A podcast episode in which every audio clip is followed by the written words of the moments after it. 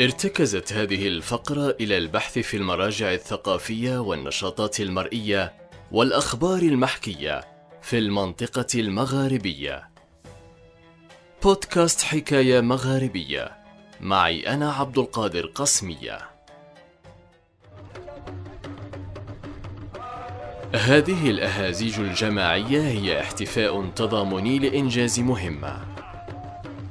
تختلف طريقة التعبير من منطقة إلى أخرى.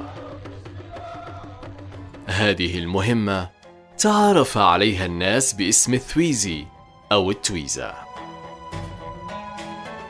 في الأصل مصطلح أمازيغي يعبر عن فعل تضامني من الموروث الشعبي الأصيل في المنطقة المغاربية.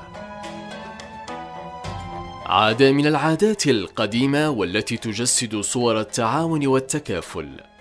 الذي يهدف إلى إنجاز عمل اجتماعي معين من أجل مصلحة فرد معوز من أعمال الخير أو مصلحة جماعية.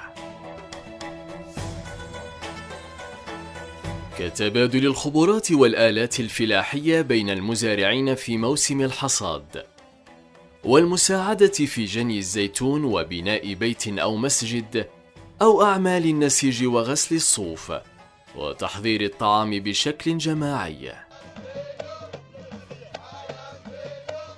تختتم هذه الحكاية التضامنية بإطعام جماعي على سبيل الصدقة. لكل المشاركين وأيضا المهنئين والزائرين على حد سواء.